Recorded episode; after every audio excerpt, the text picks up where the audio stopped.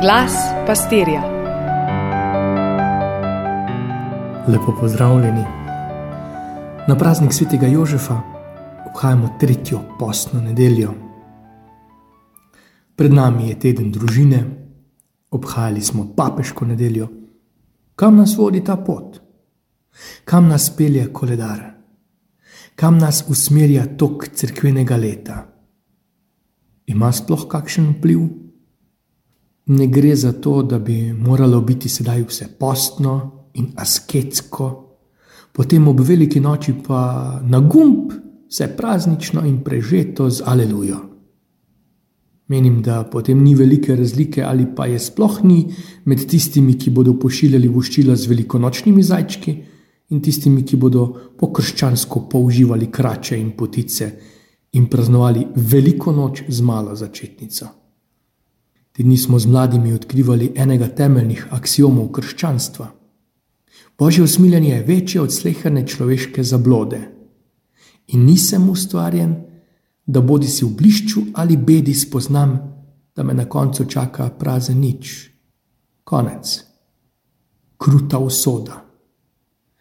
Nismo ustvarjeni za smrt, za življenje smo ustvarjeni. Ne gre za optimizem, tudi ne za retoriko, ni to krščanski oportunizem v zablodi človeštva. Gre za vero in gre za dejstva. Ob noriji človeštva, ki jo doživljamo, bodi si na vse grozote, na katere smo se navadili. Droge, stalne vojne, korupcija, splavi, eutanazija, ekonomsko zatiranje šibkejših, celo narodov. In na tiste grozote, ki nas pretresajo. Ko novica iz ekrana ni samo še ena vest, ampak morda grožnja tudi za me in za mojo družino. Ukrajina ni tako daleč.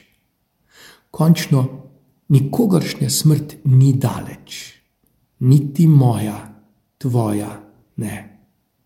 Optimizem, diplomatska govorica, prijazna beseda ne bo preprečila korone, ne napihnjenega influencerstva, krivic ali se izognila moji gotovi smrti. Če je kaj krščanstvo v svojem bistvu, je vera, ki gleda smrti v obraz. Smrti gleda v oči in vidi skozi, čezen, naprej. Krščanstvo je vsej tragiki realizem, se ne ustavi, gre dalje in še dlje.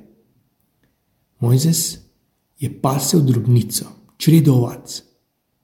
Vedno znova me pretresa, da eden najvplivnejših ljudi Egipta svoj dan preživljal čas s krmljenjem kos in striženjem ovac, s preštevanjem mladičev in napajanjem drobnice.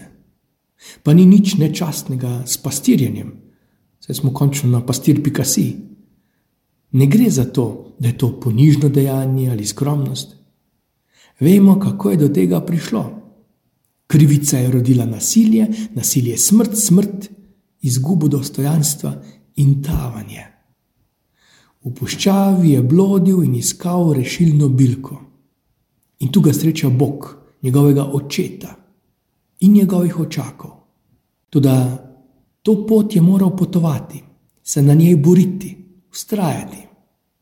Pogled na smokvo, ki ne rodi, zdaj, obilno, ki ne daje velikega profita, izvabi držo gospodarja, ne industrialista pred gospodarjem še očeta, ne lastnika, stvarnika, ne izkoriščevalca. Smokva bo ne samo dobila novo priložnost, tudi če, ali celo zato, ker ne rodi, bo dobila skrbno njego, primerno njej. Vseeno pa ji ne bo prizanešeno v neurju, v suši, v napadih divjačine in raznih boleznih zakorenjena v dobri zemlji, išče življenje, da bi živela, da bi rodila. Mojzes ni samo blodno pasel, daleč je pregnal čredo, daleč. Ni otopel, ni se zatopil v žalost, ni se zasanjal ali vsaj ostal v teh sanjarjenju, v svojih preteklih spominih uspehov ali neuščljivost in maščevalnost tistim, ki jim gre bolje Ni želel zavojevati Egipta, strmoglaviti tirana in zasesti prestol. Če bi gojil za mero, snoval zaroto, utapljal žalost, bi ne videl grma, zanj bi ne bilo gorečega grma. Morda bi ga opazil in šel mimo, morda bi ga želel celo pogasiti. Tako pa sta se srečala. Na podlagi pronicljivega podcasta Goreči grm se nam upravičeno postavlja vprašanje: Si ti že prišel do gorečega grma? Ne do mojega gorečega grma, ne do gorečega grma tvojih vernih staršev ali tvojih svetnikov, tebi ljubih. Na tvoji poti stiske in iskanja, strajnosti in bolečine, prav tam sredi te čaka Gospod. Če se ti zdi, da nimaš gorečega grma, je lahko to tudi zato, ker si po papeževih izzivalnih besedah kavč kristjan.